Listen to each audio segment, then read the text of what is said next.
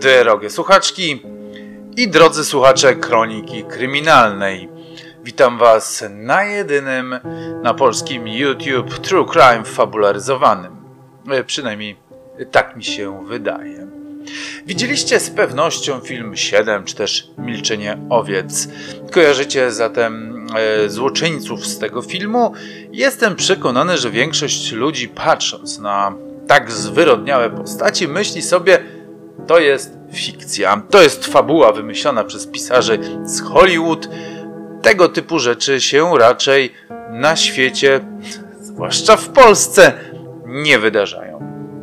A jednak zbrodnia, która mogłaby być fabułą dla amerykańskiego thrillera, wydarzyła się w małej miejscowości w Małopolsce w 30 maja 1999 roku i o niej sobie dzisiaj opowiem.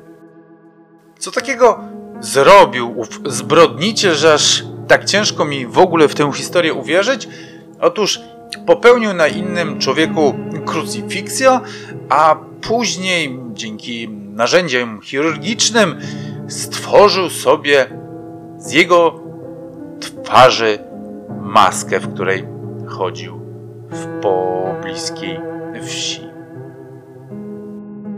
Gdy usłyszałem o tym pierwszy raz, nie chciałem w to uwierzyć, ale komisarz Bagieta, który mi tę historię opowiedział, zapewniał, że jest to prawda, a później pokazał mi film e, na YouTube e, z polskiego Archiwum X. Link do tego filmu także zamieszczę dla tych wszystkich, którzy woleliby tę historię usłyszeć od mm, ludzi, którzy w tamtej e, zbrodni brali czynny udział śledczy od twórców z Archiwum X.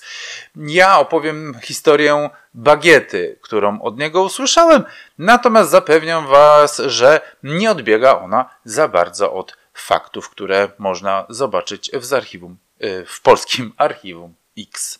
I choć ta zbrodnia moim zdaniem nie mieści się w ludzkiej wyobraźni, to jednak zapewniam, że ta historia wydarzyła się naprawdę.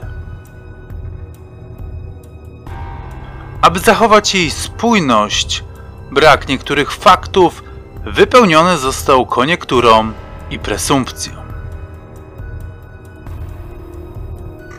Ja nazywam się Tomasz Szczepański, a to jest Kronika Kryminalna. Sezon trzeci prawdziwych zbrodni. Z obowiązku dziennikarskiego przypomnę Wam jeszcze tylko, że jeżeli nie chcielibyście, aby e, umknęły Wam kolejne historie, warto ten kanał zasubskrybować. A jeżeli lubicie sobie słuchać ciekawych historii w tramwaju, w autobusie, podczas biegu czy jazdy na rowerem, można mnie także słuchać na Spotify, Google Podcast, czy też innych platformach podcastowych, jakie są dostępne w necie. I skoro formalności mamy już za sobą, to zaczynamy. 31 maja 1999 roku dyżurny policji odebrał z rana telefon. Roztrzęsiony mężczyzna powiedział, że u niego w domu doszło do przestępstwa i możliwe, że ktoś nie żyje. Zdążył jeszcze podać adres i rozłączył się, nie dodając żadnych szczegółów więcej.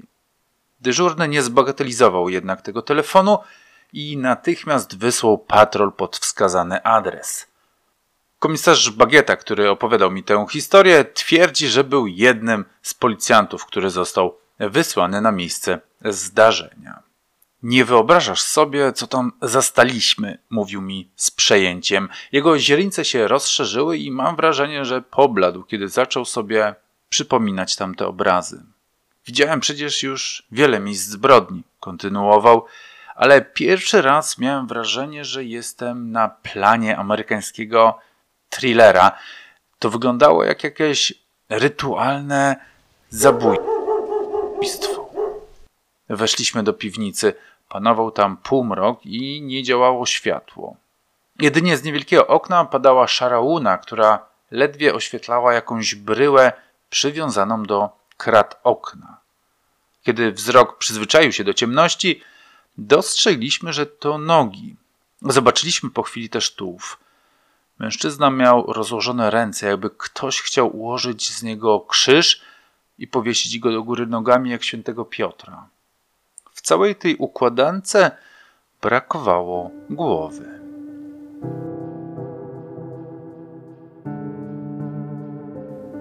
Zanim pójdziemy dalej, cofnijmy się nieco, aby przedstawić tło tej historii. Bo jak z pewnością wiecie, wszystko zawieszone jest w kontekście. E, nic nie dzieje się bez przyczyny i każda historia ma swoją prehistorię, jeśli mogę tak to nazwać. Jej bohaterem jest Witold, który przyszedł na świat w latach 40. w niewielkiej chatce na Kaukazie, w miejscowości, o której niewiele osób słyszało, a jeszcze mniej do niej dotarło. Przyszedł na świat w rodzinie, która miała polskie korzenie i na obczyźnie przebywała nie całkiem ze swojej woli. Ojciec Witolda był surowym mężczyzną o grubo ciosanym obliczu, wyrzeźbionym deszczem i wiatrem. Rzadko się uśmiechał, a rękę miał ciężką, czego Witold często doświadczał. Kaukaska wieść liczyła sobie 666 mieszkańców. Część z nich była autochtonami od niezliczonych pokoleń, inna część była przybiszami z różnych części wschodniej Europy, uciekinierzy, przesiedleńcy. Porozrzucane wzdłuż krętej, nieubitej ścieżki chatki z drewna tworzyły zżytą ze sobą społeczność. Większość mieszkańców zajmowała się hodowlą kus i owiec. Jedną z najważniejszych postaci w miasteczku był ojciec Witolda, który mianował się stomatologiem, choć bliżej było mu do cyrulika. A jednak była to postać ważniejsza i bardziej poważana we wsi niż pop czy ksiądz. Choć nie tak szanowana jak sołtys, który, co ważne dla tej historii, miał córkę na wydaniu o imieniu Natasza. Witold, ukończywszy stomatologię, aby iść w ślady ojca, ożenił się ze wspomnianą Nataszą. Dziewczyną niezbyt urodziwą, ale pochodzącą z zamożnej i szanowanej rodziny. Nie można by powiedzieć, aby było to małżeństwo z miłości. Ci, którzy znali Witolda, zwłaszcza ci, którzy z nim chodzili później i wcześniej na panienki, przekonywali, że w jego decyzji o ślubie nie było nic poza czystą chęcią zysku. On sam miał wielokrotnie później powtarzać, że chodziło o dobrą partię i że zwłaszcza ojcu na tym małżeństwie zależało. Witold czy też jego ojciec liczyli na posag, który udało im się uzyskać oraz polepszenie dzięki temu swojego bytu. Świadkowie twierdzą, że Natasza weszła za Witolda z miłości. Była w nim zakochana i wyobrażała sobie piękne, szczęśliwe życie. Pierwszego rozczarowania doświadczyła jednak już w noc poślubną, kiedy Witold, pijany jak Bela, pokrył ją niczym ogier klacz, a później odwrócił się do niej plecami i zasnął, głośno chrapiąc. Natasza całą noc nie spała, łukała cicho w poduszkę i przeklinała swój los. Bóg im jednak pobłogosławił. Dziewięć miesięcy później przyszedł na świat Władysław, pierworodny Witolda. Oczko w jego głowie, najdroższy syn, któremu gotów byłby wszystko wybaczyć.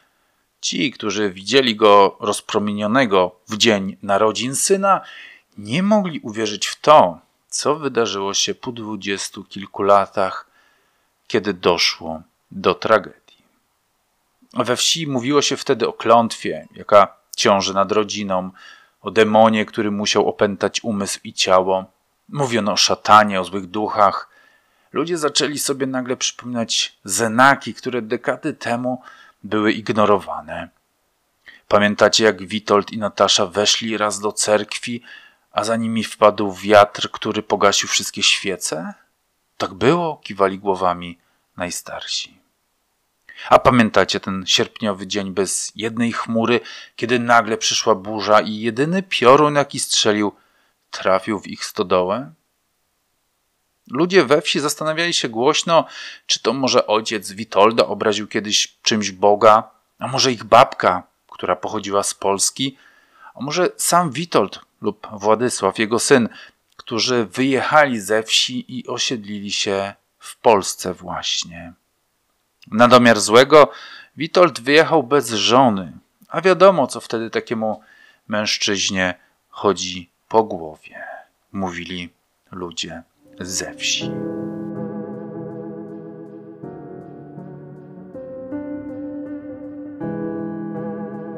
Nie wybiegajmy jednak jeszcze w przyszłość. Nie wybiegajmy do dnia, kiedy policja odkryła ciało i nie bierzmy również zaprawdę plotek sąsiadów ze wsi. Być może to nie klątwa, być może Witold nie kochał swojego syna tak bardzo, jak o tym mówił. Być może chłopak nie był oczkiem w jego głowie, a być może kochał go, ale na swój specyficzny sposób. Wielu rodziców zapomina, że dzieci są indywiduami i traktują je jak przedłużenie siebie. Odbierają im podmiotowość i próbują narzucać im własną wolę, i nawet jeśli robią to w najlepszych intencjach, krzywdzą swoje dzieci. Ileż to razy słyszeliśmy rodzica mówiącego do dziecka: Zjedz, bo jesteś głodny, ubierz się, bo ci zimno, nie biegaj, bo cię nóżki bolą. Czy dzieci to idioci? Nie wiedzą, że im zimno, że są głodne czy zmęczone? Nie sądzę. Jest taka anegdotka w Szreku 2, która przychodzi mi teraz do głowy. Królowa, widząc, że król jest niezadowolony z wyboru przez Fionę Szreka na męża, mówi do niego: Fiona ma prawo sama wybrać swojego męża. A na to oburzony król: Oczywiście, że może wybrać sama, ale nie może wybrać tego, którego my jej wybraliśmy? Ta krótka wymiana zdań mówi wszystko o rodzicach, którzy są przekonani o tym, że chcą dla swojego dziecka jak najlepiej. A przecież czasami wystarczy zapytać. A na pytania dzieci nie odpowiadać, bo ja tak. Witold, ojciec Władysława, nie pytał syna, czego on chce i sam za niego wszystko planował. Wychowywał go autorytarnie. Dla Witolda najważniejsza była szkoła i wykształcenie, nie obchodziło go, że Władysław mógł mieć inne zainteresowania. Ba, młody Władek nie miał prawa interesować się czymkolwiek innym niż szkoła. I z premedytacją nie używam słowa nauka, tylko podkreślam szkoła, bo nauka bierze się z otaczającego nas świata. Uczymy się codziennie i do końca życia, a szkoła jest jakąś zdeformowaną, skarłowaciałą i zinstytucjonalizowaną wersją nauki, opartą na współzawodnictwie, upupianiu i przekonaniu, że w nauce nie chodzi o zdobywanie wiedzy, lecz papierka. Władek był z natury grzecznym chłopcem i nie chciał sprawiać tacie przykrości, więc uczył się pilnie i był prymusem. I być może nie miałby traumy z dzieciństwa, która pozostała z nim aż do końca, gdyby nie rytuał, który musiał przejść, aby stać się mężczyzną. I nie mówimy tu o nieszkodliwych postrzyżynach czy obrzezaniu, ale o rytuale, który w głowie dziecka musi narobić dużo bałaganu. Rytuał polegał na ofierze baranka, którego należało zdekapitować, a następnie oskurować. Młody Władek nie chciał tego zrobić. Żal mu było baranka, zwłaszcza, że zwierzę to kojarzyło mu się nieodłącznie z dzieciątkiem Jezus. Jak nigdy dotąd nie płakał, nawet kiedy ojciec wychowywał go pasem i ciężką ręką, tak teraz rozpłakał się przed swym rodzicem i błagał go, aby ten nie zmuszał go do tak haniebnego i bezsensownego czynu. Czym zawinił ten baranek? pytał Władek. Czy nie mogę go po prostu. Przejechał sugestywnie kciukiem po swej szyi. Po co ten cały rytuał? Po co dekapitacja? Po co zdejmowanie skóry? Rytuały są ważne, synu, odparł ojciec. To one robią z nas ludzi.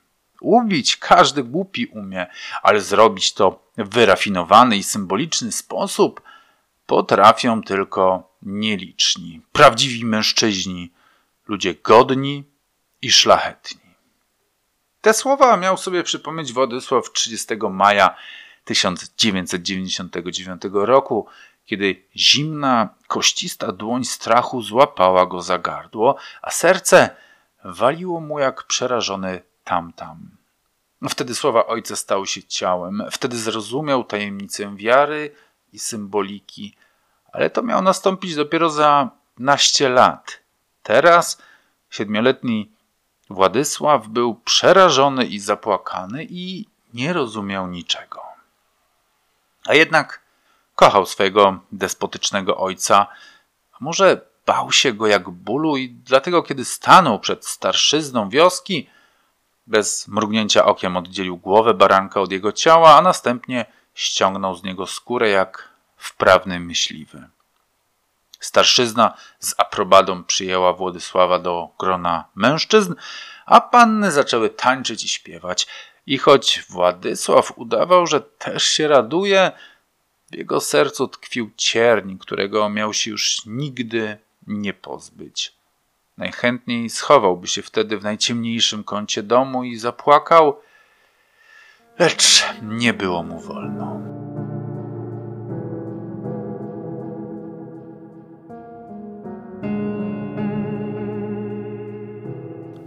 Ojciec Władysława, Witold, surowo karał swojego syna, twierdząc, że takie są ojcowskie prawa. Władysław nigdy nie potrafił się pozbyć z głowy pewnej kary, którą doświadczył w wieku pięciu lat. Długo, aż do czasów studiów, nie rozumiał też, za co został przez ojca ukarany. Nie rozumiał po prostu, dlaczego postąpił źle. Wyjaśniło mu to dopiero na studiach pewna koleżanka, a Władysław był zdumiony, choć po zastanowieniu przyznał jej rację, że był niezbyt delikatny jako dziecko. Ale o czym mowa? Otóż Władysław miał niecałe 5 lat, kiedy jego najbliższym przyjacielem była Finka. Można było nią rzucać w drzewo albo grać w pikutę czy masełko. Ale chłopaki we wsi, w tym i Władysław, Władek, mieli inną, yy, specyficzną grę związaną z rzucaniem właśnie kozikami czy finkami do celu. Celem był niejaki Stieńka.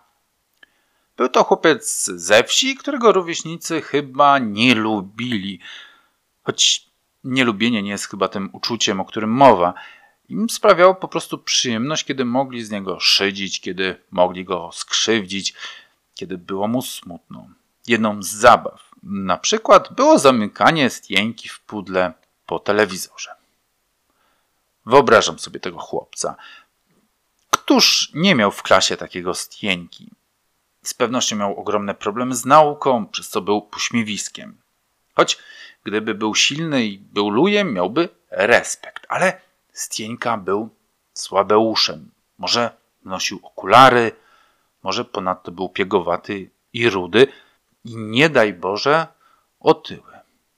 Jeśli pamiętasz swoje czasy dzieciństwa, pamiętasz też, jak okrutne są dzieci. Oczywiście wynoszą to okrucieństwo z domów, ale są jeszcze za młode na refleksję. Idą więc w tym owczym pędzie, krzywdząc kolegów tylko dlatego, że ci odstają od reszty. Jeśli taki nie umie się obronić, ma przesrane przez najbliższe dwie dekady. Niemniej, wracamy do historii, kiedy ojciec Władysława Witold dowiedział się, co wyprawia jego syn, wściekł się nie na żarty. Co w zasadzie jest słuszne, ale zamiast porozmawiać z synem, wyjaśnić mu, dlaczego takie zabawy są złe, spróbować wpłynąć na jego empatię, pokazać mu dobry przykład, ojciec wybrał najgorszą z możliwych opcji i ukarał boleśnie syna, a mianowicie kazał mu klęczeć na gorącej, podgrzanej na patelni soli. Co wyniósł z tej lekcji Władek? Po pierwsze, jeśli się nad kimś znęcasz, nie wolno dać się złapać. Powtórę, ojciec jest sadystą i trzeba mu kiedyś odpłacić. A mimo to Władek starał się wciąż być grzecznym chłopcem, przynajmniej w domu, Odmawiał paciorek i uczył się pilnie. Był prymusem i ukończył szkołę ze złotym medalem za wyniki w nauce. Po uzyskaniu promocji wybrał się na studia medyczne do Polski, z której, jak już wspomnieliśmy, pochodziła jego prababka. Zapytacie być może, czy medycyna była tym kierunkiem, który chciał studiować Władek? Absolutnie nie. To było oczywiście marzenie jego ojca, ale syn nawet w tym temacie nie miał nic do powiedzenia. Witold, jego ojciec, nie znosił sprzeciwu. W jego mniemaniu syn to twór całkowicie podporządkowany swemu ojcu i nawet dwudziestoletni syn nie ma prawa zmieniać kierunków studiów, które ojciec mu narzucił, a jak już wiemy, rękę miał ciężką. Wybranie się syna na studia do Polski otworzyło Witoldowi drogę do jego ukochanej, lecz nieznanej ojczyzny. Wybrał się tam także jego ojciec, który się w Polsce wprawdzie urodził, ale nie pamiętał już tego kraju, jako że całe życie spędził na Kaukazie. Znamienne jest to, że panowie wybrali się do Polski bez swoich żon. Wersja oficjalna była taka, że jak panowie się urządzą i zdobędą pracę, sprowadzą także swoje żony i córkę. Lecz niestety z przyczyn formalnych, czyli z braku statusu repatrianta, panowie nie mogli znaleźć pracy w swym zawodzie. Nie było to całkiem zgodne z prawdą. Wprawdzie w swoim zawodzie panowie pracy nie znaleźli, ale dorabiali tu i ówdzie i żyło im się całkiem nieźle. Zwłaszcza, że żyli życiem kawalerów. Zwłaszcza Witold, ojciec Władysława, lubił korzystać z życia, że wyrażę się tak eufemistycznie, a lubował się najbardziej w ciałach młodych panienek. Władysławowi zdarzyło się kilka razy być świadkiem tego, że w mieszkaniu ojca pojawia się jakaś młoda dziewoja. Czuł, że coś jest nie tak, ale nie miał dowodów na zdradę ojca i bał się jemu postawić. Dopiero później dowiedział się, że także na Kaukazie ojciec nie był wierny jego matce. Że nie tylko jej nie kochał, ale na dobrą sprawę jej nigdy nie szanował. A najsmutniejsze chyba było to, że nie potrafił się do tego przyznać nawet sam przed sobą. Powtarzał ciągle, zwłaszcza kiedy sobie popił, że kocha swoją rodzinę, że rodzina jest najważniejsza. Powtarzał to także Władysławowi, który w ojcu widział samo zło. Swojego największego oprawcę i despotę, który odebrał mu już lata temu radość z życia. Witold powtarzał też swojej córce, siostrze Władka, że ją kocha i że jest ona dla niego najważniejszą kobietą w życiu, choć traktował ją jak trzodę. Nie pozwalał jej mieć własnego zdania, a w zasadzie nie miała w ogóle prawa odzywać się niepytana. Kobiety były dla Witolda rasą podrzędną, służącą w zasadzie do dwóch rzeczy. Do rozrywki, choć wtedy kobiety obce, no i prac domowych, wtedy naturalnie rodzina. Kilka dni przed tragedią Władek przyznał się przed ojcem, że rzucił studia. Nie zdał jakiegoś egzaminu i nie chce tam wracać, chce się przenieść na psychologię. Ojciec się wściekł i zwyzywał swojego syna od tłumoków, głupków i bezmózgów. Kiedy Władek powtórzył, że medycyna go nie jara i chciałby studiować psychologię, ojciec go spoliczkował. Psychologia taki żart, powiedział. To prawie jak teologia, to nawet nie jest nauka. Będziesz przygłupów wysłuchiwał? Będziesz spowiadał ludzi o słabej woli, którzy nie potrafią radzić sobie z problemami? Ojciec drwił z Władka, ale tak naprawdę był na niego wściekły i obrażony.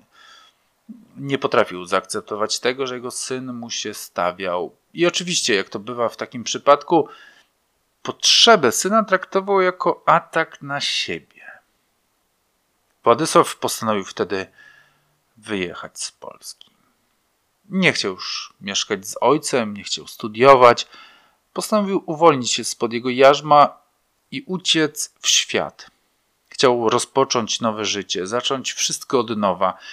Zaczął przygotowywać się do wyjazdu, pakował się w tajemnicy, zbierał pieniądze.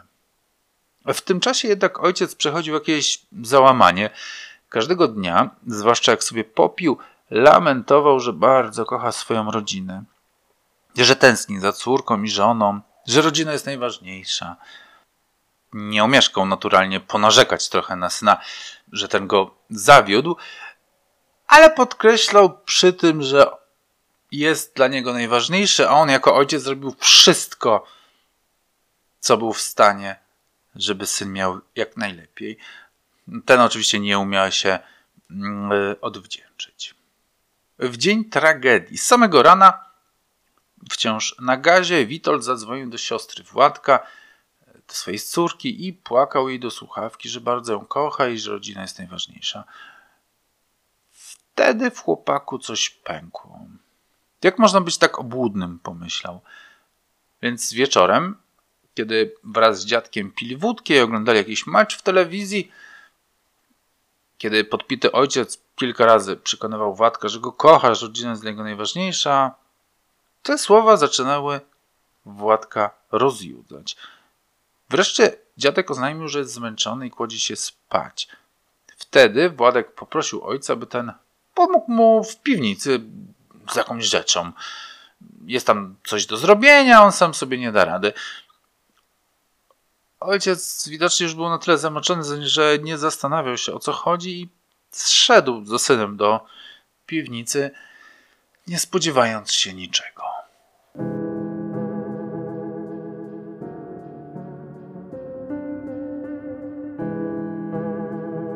Nazajutrz dziadek wstał skoro świt, aby posprzątać w kurniku, zebrać jajka i nasypać kurom ziarna. Kiedy wyszedł przed dom, zastał swego wnuka siedzącego na ławce. Wyglądał jednak inaczej niż zwykle. Wydawało mu się, że wnuk ma na twarz jego syna, ale jako, że dziadek miał słaby wzrok, pomyślał sobie, że coś mu się przewidziało, że jeszcze się dobrze nie obudził. Gdzie twój ojciec? Zapytał dziadek wnuka. Nie wiem, odparł Władek. Czyż jestem stróżem mego ojca? Dziadek zmrużył oczy i poczuł dreszcz, który przeszedł mu po plecach. Cóżeż uczynił? zapytał wnuka. Ten jednak nic nie odpowiedział. Wtedy dziadek odwrócił się powoli i powiedział, że idzie do sąsiada, bo musi zadzwonić. Rób, co musisz, powiedział Władek. Kiedy policja przyjechała do domu, nie została tam ani Władysława, ani jego dziadka. Ten ewakuował się szybko i pospiesznie wyjechał do Rosji, bojąc się, że może i jego powiążą z tą sprawą. Dopiero po 17 miesiącach udało się sprowadzić go, aby zeznawał przed sądem. W piwnicy, jako się rzekło, odnaleziono zdekapitowanego i ukrucyfiksowanego Witolda. W ogródku znaleziono jego głowę, a w zasadzie czaszkę bez twarzy. Bagieta zamyślił się i powiedział, że pamięta moment zatrzymania Władysława. Byłeś tam? Zapytałem. Bagieta pokiwał twierdząco głową. Pamiętam, że był ze mną Bogdan, twórca krakowskiego Archiwum X, powiedział Bagieta przekonująco. E, pojechaliśmy w kierunku Zakopianki i dostrzegłem na przystanku autobusowym młodego mężczyznę. Siedział jakby na coś czekając. Miał ubłocone ciuchy. Przynajmniej na początku myślałem, że to było to. Popatrz, Bogdan, powiedziałem. Może to on. No, trzeba sprawdzić. Odparł Bogdan i zatrzymaliśmy radiowóz obok chłopaka. Pamiętam, że uśmiechnął się do nas. Później wielokrotnie śnił mi się ten uśmiech, ale w snach wydawał mi się on uśmiechem szaleńca. Wtedy jednak był to miły i uprzejmy uśmiech. Być może nawet przypominał pewnego rodzaju ulgę. No to mnie macie, powiedział chłopak, a z jego twarzy ten uśmiech nie schodził.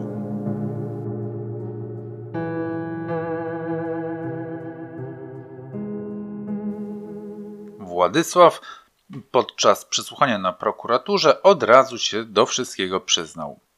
Swoją zbrodnię argumentował tym, że od dłuższego czasu nienawidził swojego ojca. Na pytanie, co robił tego dnia, odpowiedział sarkastycznie. Jak ten chłopak z mema, że w Sylwestra będzie grał w grę. E, czytałem niczego, słuchałem metalu i oglądałem horrory. Zadrwił. Ale prokuratura wzięła te słowa na poważnie i tak właśnie zaprotokołowała, powielając ten durny stereotyp, że miłośnicy horrorów i metalu są dewiantami. Następnie wieczorem poprosił ojca, aby ten zszedł z nim do piwnicy i pomógł mu przy jakichś bliżej nieokreślonych pracach. Kiedy byli na dole, zaatakował ojca. Dziadek już spał. Wkrętakiem zadawał pchnięcia na oślep. Dwa razy trafił w serce, co było bezpośrednią przyczyną zezgonienia. Kiedy duch opuścił ojca, miałem wrażenie, jakbym to ja tam leżał, zeznawał później Władysław. Stałem nad nim wiele długich minut, patrząc na to ciało, które było teraz takie bezbronne, które nie mogło skrzywdzić ani mnie, ani matki, ani mojej siostry. I pomyślałem wtedy, że szkoda by było, gdyby nic za tym więcej nie poszło. Postanowiłem pod wpływem nagłego olśnienia zrobić z ojca dzieło sztuki. Chciałem obnażyć jego podłość. Chciałem, aby mój czyn miał znamiona rytualne, na których ojcu zawsze tak bardzo zależało. Chciałem udowodnić światu, że człowieka można poznać nie po twarzy, ale po wartościach, w które wierzę, a mój ojciec nigdy nie miał wartości w związku z tym nie miał twarzy. Prokurator i śledczy przesłuchujący Władysława nie całkiem rozumieli sens jego wypowiedzi, nie nadążali też za jego światem stworzonym, w którym w mniemaniu Władysława wszystko było powiązane i wynikało jedno z drugiego. Nie przeszkadzali mu jednak w zeznaniach i pozwolili mu opowiadać swoją wersję. Chciałem też sprawdzić, kontynuował chłopak, czy dziadek rozpozna swojego syna. Dlatego musiałem uwolnić korpus od ducha, od głowy, bo to głowa jest wszystkiemu winna. Uderzyłem łopatą, choć myślałem, że odpadnie od razu, ale musiałem uderzyć kilka razy. A wtedy ściągnąłem twarz i uszyłem maskę.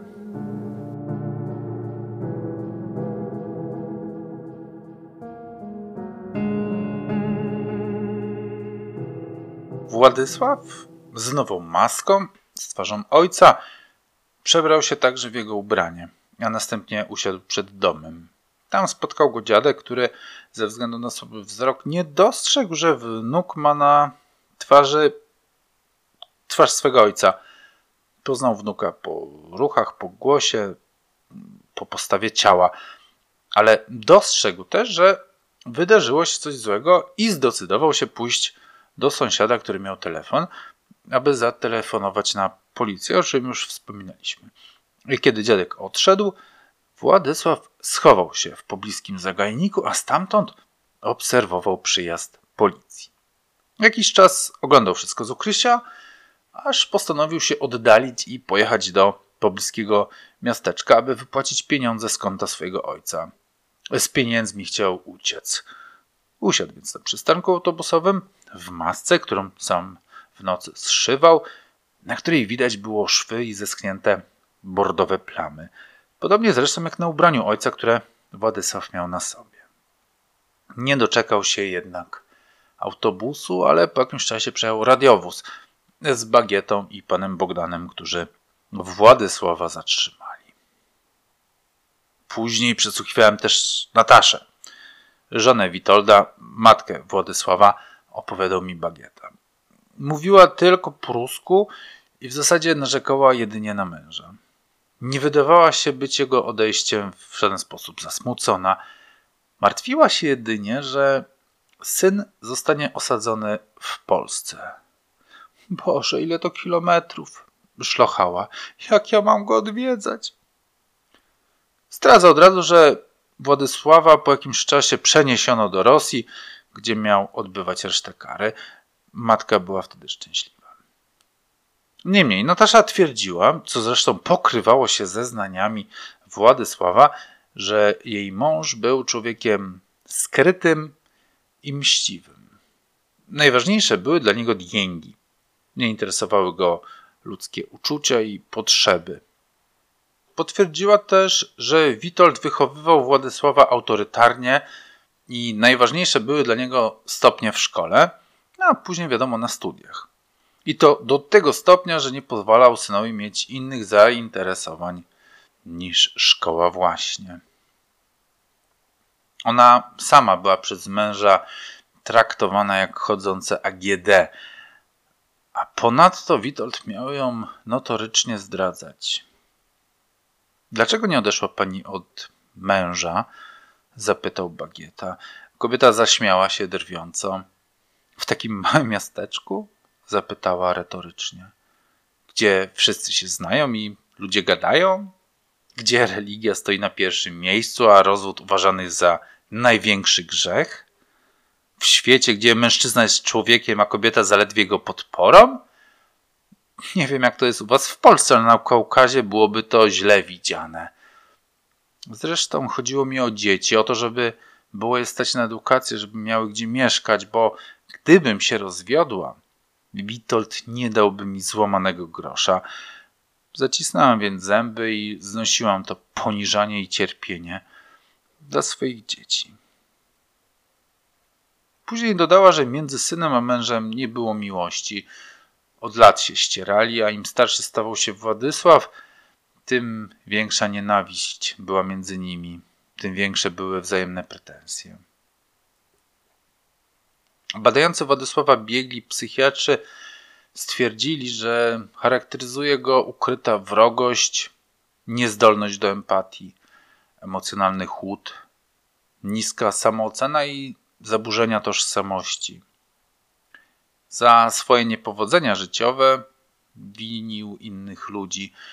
Posługuje się także mechanizmami obronnymi, tzw. projekcją, fantazjowaniem i kompensacją, e, czyli wyrównywaniem własnych braków lub umniejszanie roli niepowodzeń przez wzmożoną aktywność w innej dziedzinie. Cokolwiek to znaczy, tak mówi Wikipedia. Przestępczą aktywność Władysława uaktywniło bardzo silne uczucie nienawiści, jakie żywił wobec ojca. Tyle biegli. Pod koniec listopada 2001 roku Sąd Okręgowy w Krakowie skazał Władysława na 20 lat pozbawienia wolności. Sąd uznał, że Władysław działał z premedytacją, z wielkim okrucieństwem, a zbrodniczego czynu dokonał z zemsty, czyli z niskich pobudek i motywów zasługujących na szczególne potępienie. Sąd zastrzegł w wyroku, iż skazany może skorzystać z dobrodziejstwa warunkowego przedterminowego zwolnienia dopiero po odbyciu 20 lat kary. Proces w całości toczył się za zamkniętymi drzwiami. Odtajniona była jedynie sentencja wyroku, ale jego uzasadnienie już nie. Oskarżony wysłuchał wyroku ze spokojem. Kiwał głową jedynie, gdy usłyszał wysokość kary. Po kilku latach, jak już wspomniałem, sąd zgodził się na to, aby Władysław odsiadywał swój wyrok w Rosji.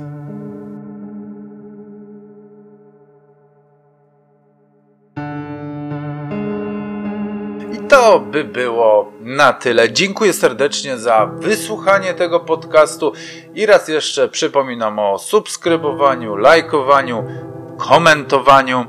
E, a dla tych, którzy czują jakąś taką większą potrzebę, przypominam, że można mi podziękować e, klikając tutaj jeden z takich przycisków podziękuj. Wszystkim natomiast serdecznie dziękuję, pozdrawiam i do usłyszenia za tydzień. Pa!